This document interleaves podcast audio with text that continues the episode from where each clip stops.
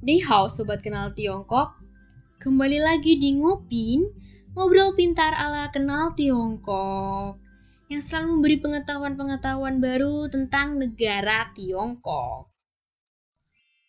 Wo Chao Isna, aku merupakan mahasiswa sosiologi di Universitas Erlangga Surabaya dan aku merupakan intern podcast and live moderator di Konal Tiongkok.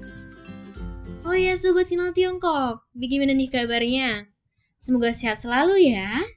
Karena ini masih masa pandemi, jangan lupa tetap patuhi protokol kesehatan dengan menggunakan masker, selalu cuci tangan menggunakan sabun atau menggunakan hand sanitizer, dan jangan lupa selalu jaga jarak. Ngomongin soal menjaga protokol kesehatan, pasti sudah tidak asing lagi nih dengan himbauan pemerintah di masa pandemi COVID-19 kayak gini. Salah satunya adalah stay di rumah aja kalau tidak ada keperluan. Nah, biar nggak bosen di rumah aja nih, aku mau mengajak sobat semua buat jalan-jalan online sebentar ke negara Tiongkok. Jadi, pada podcast kali ini aku bakal ngasih tahu sobat semua tentang tempat wisata di Tiongkok yang dapat dikunjungi pada masa pandemi. Tempat-tempat wisata di Tiongkok itu beragam dan indah-indah. Jadi sayang kalau ada yang terlewat kalau kita lagi berkunjung ke negara Tiongkok. Nah, apa aja sih tempat-tempat yang akan aku saranin? Dan boleh nggak sih kalau waktu pandemi gini kita pergi ke sana? Oke, makanya stay tune tetap di sini. Aku akan bahas dulu nih syarat-syarat untuk masuk ke negara Tiongkok pada masa pandemi COVID-19 kayak gini. Pandemi COVID-19 membuat negara-negara di dunia termasuk negara Tiongkok mengurangi mobilitas dari wisatawan luar negeri maupun dalam negeri untuk masuk ke tempat wisata di wilayah negara mereka sejak kemunculan COVID-19 Maret 2020. Seiring dengan vaksinasi yang telah diberikan kepada 56% warganya dari bulan Maret 2021 hingga Agustus 2021 dan juga akan diadakannya Winter Olympic di Beijing pada tahun 2022, negara Tiongkok telah memberikan kelonggaran untuk warga negara asing masuk ke negara mereka loh. Eits, tapi dengan berbagai persyaratan, Syarat untuk masuk ke negara Tiongkok yang pertama adalah harus melakukan vaksinasi dengan vaksin jenis Sinovac, Pfizer BioNTech, Moderna, dan Johnson Johnson. Vaksinasi ini harus dilakukan 15 hari sebelum kedatangan ke Tiongkok. Karena nanti kalau mau mendaftarkan visa, tetap akan diminta juga bukti vaksin yang telah dilakukan. Selain itu, warga negara asing atau wisatawan asing yang akan masuk ke negara Tiongkok harus melakukan dua tes negatif PCR dan tes antibodi 48 jam sebelum keberangkatan. Setelah nanti sampai di Tiongkok, ketika di bandara, pengunjung atau wisatawan harus tetap melakukan screening lagi. Hmm, ketat banget ya ternyata. Wisatawan yang didapati tidak lolos pengecekan akan dikirim untuk dikarantina dengan fasilitas kesehatan yang disediakan oleh pemerintah. Sementara itu, yang lolos pengecekan tetap harus melakukan karantina selama 14 hari atau 21 hari tergantung wilayah yang nanti akan dituju. Karantina untuk yang lolos screening tadi boleh di tempat yang disediakan pemerintah atau karantina mandiri di hotel atau di rumah loh. Jadi terserah mereka buat yang lolos. Lalu dengan syarat-syarat masuk ke Tiongkok itu apakah warga negara asing atau wisatawan asing boleh berwisata sepuasnya ke Tiongkok nih? Hmm, sebenarnya sejak 15 Maret 2021 negara Tiongkok telah menghapus larangan kunjungan warga negara asing dari 23 negara di dunia. Namun, hal tersebut hanya diperbolehkan untuk kunjungan kerja dan kunjungan terhadap warga atau relatif yang ada di negara Tiongkok. Selain itu, per bulan Agustus 2021, 154 wilayah di Tiongkok masih terdapat COVID-19 outbreak. Jadi sayang banget, wisatawan atau warga negara asing yang baru masuk ke Tiongkok masih belum boleh berwisata sepuasnya di Tiongkok nih. It's tapi jangan sedih. Aku bakal tetap ngasih rekomendasi tempat wisata di Tiongkok yang keren-keren dan beberapa boleh dikunjungi oleh wisatawan lokal loh. Soalnya pada 5 Agustus tahun 2021, Kementerian Pariwisata Tiongkok memperbolehkan tempat wisata di wilayah yang tidak terdampak COVID-19 outbreak untuk dikunjungi. Jadi, tidak semua tempat wisata di Tiongkok dilarang dikunjungi loh. Tapi, tetap jangan lupa patuhi protokol kesehatan di sana ya. Oke, okay. Kalian pasti nggak sabar nih, tempat wisata yang pertama apa yang akan aku rekomendasiin? Tempat wisata yang pertama akan aku rekomendasiin adalah Jijinceng atau Kota Terlarang di Beijing. Kota Terlarang merupakan salah satu top 5 istana bersejarah paling penting di dunia yang luasnya adalah 720 meter persegi yang juga memiliki 90 bagian dan halaman istana 980 bangunan, dan lebih dari 8.728 ruangan. Sehingga kota terlarang merupakan salah satu istana terluas di dunia. Arsitektur istana kota terlarang ini masih menggunakan bahan-bahan bangunan dari kayu dengan warna dasar tembok berwarna merah seperti kebanyakan bangunan tradisional Tiongkok. Gerbang-gerbang istana ini dilapisi dengan 9 kali 9 emas yang menceritakan tentang supremasi dan keabadian.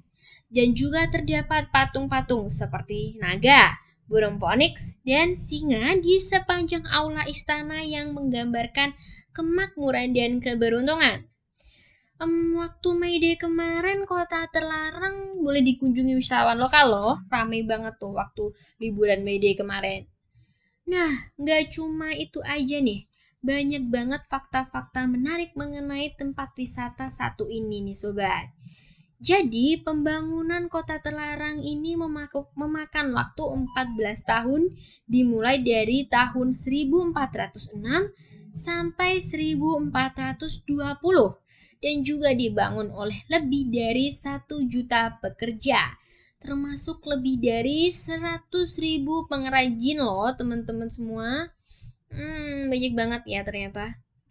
Tempat wisata ini buka setiap hari sepanjang tahun dengan jam buka yang berbeda, yaitu dari kalau tanggal 1 April sampai 31 Oktober bukanya tuh pukul setengah 9 pagi sampai 5 sore dengan harga tiket 40 renminbi.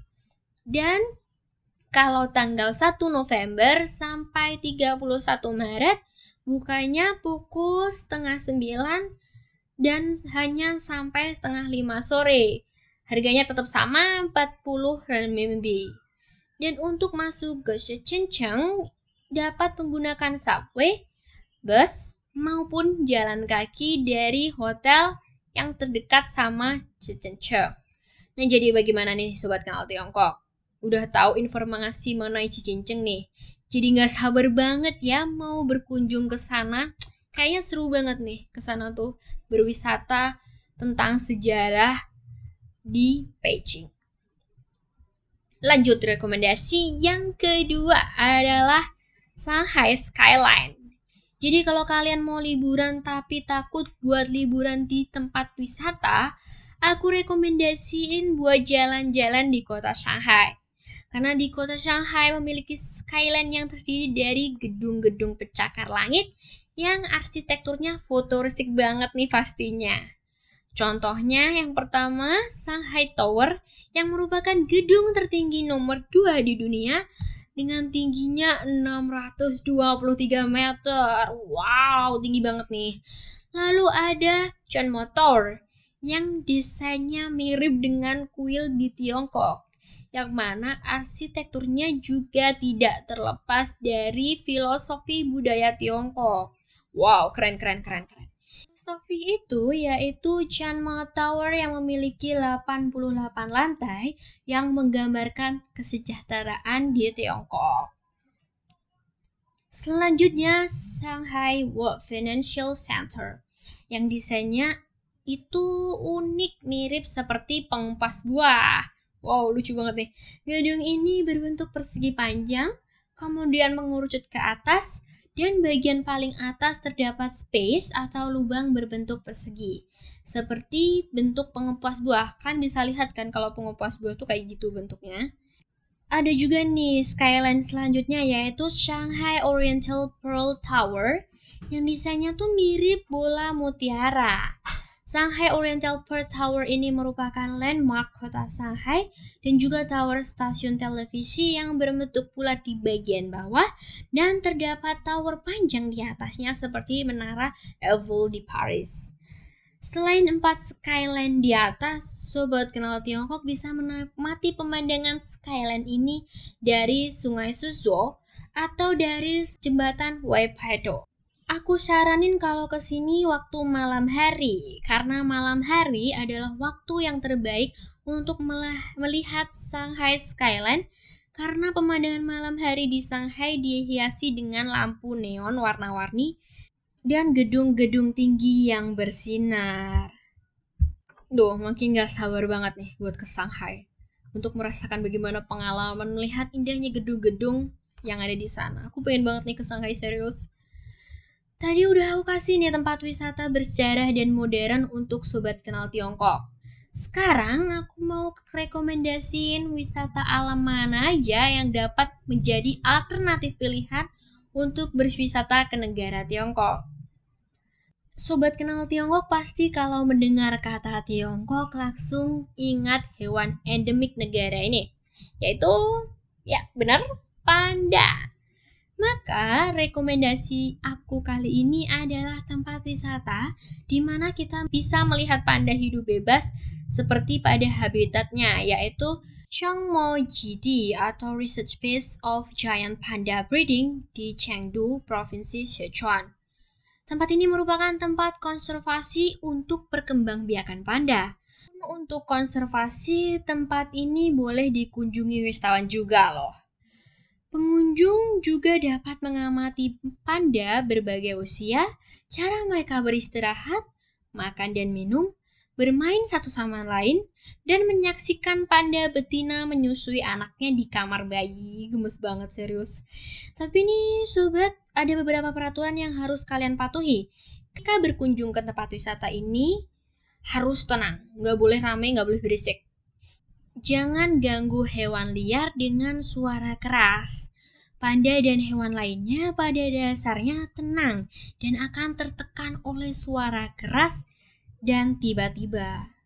Kamu boleh memotret tetapi tidak diperbolehkan menggunakan lampu kilat atau flash.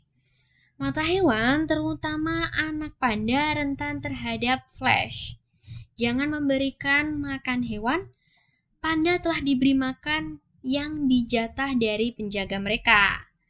Aku saranin nih kalau ke sini sebelum jam setengah 9 pagi. Karena nanti jam 10 pagi kita bisa melihat panda lucu-lucu lagi makan.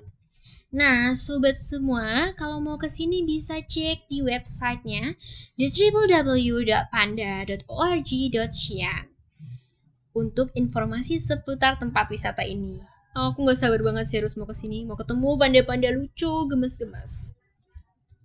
Nah, selanjutnya rekomendasi tempat wisata alam kedua adalah Danau Tianqi atau Danau Surga di Pegunungan Tianshan, Kota Fukang, Provinsi Xinjiang. Kenapa danau ini dijuluki Danau Surga?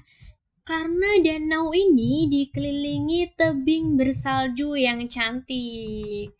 Area pemandangan Danau Tianchi memiliki empat zona landscape alam vertikal yang memamerkan berbagai pemandangan alam.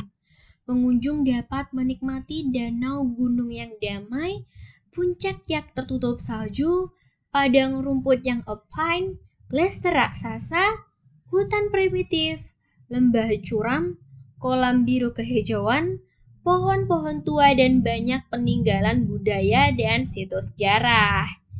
Danau ini telah banyak menyimpan arsitektur Tao kuno dan cerita rakyat yang berhubungan dengan mitologi Cina terkenal, yaitu Queen Mother of the West, di mana budaya rakyat Kazal dan lainnya berlangsung seperti sistem pemakaman masa lalu.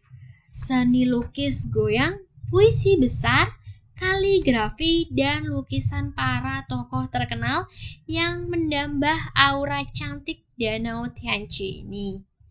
Danau ini merupakan satu-satunya di Asia Tengah yang memiliki struktur evolusi geologis lengkap yang terbentuk miliaran tahun lalu, yaitu pada ketinggian 1910 meter, adalah Danau Moraine danau tertua di dunia. Lukisan batu di puncak Bukda berusia sekitar 3000 tahun. Aku saranin buat sobat kenal Tiongkok kalau datang ke sini lebih baik di bulan Mei sampai Oktober. Karena di bulan-bulan itu tempatnya tidak terlalu dingin dan masih bisa melihat pemandangan danau, langit yang berwarna biru, dan hutan-hutan di sekitarnya yang berwarna hijau. Nanti kalau sobat kenal Tiongkok datang ke sini di musim dingin, Danau Tianchi akan dipenuhi salju. Jadi pemandangannya hanya salju putih aja nih. Selain pemandangan danau, sobat kenal Tiongkok juga akan disuguhi pemandangan Kuil Fusho di sebelah danau Tianchi.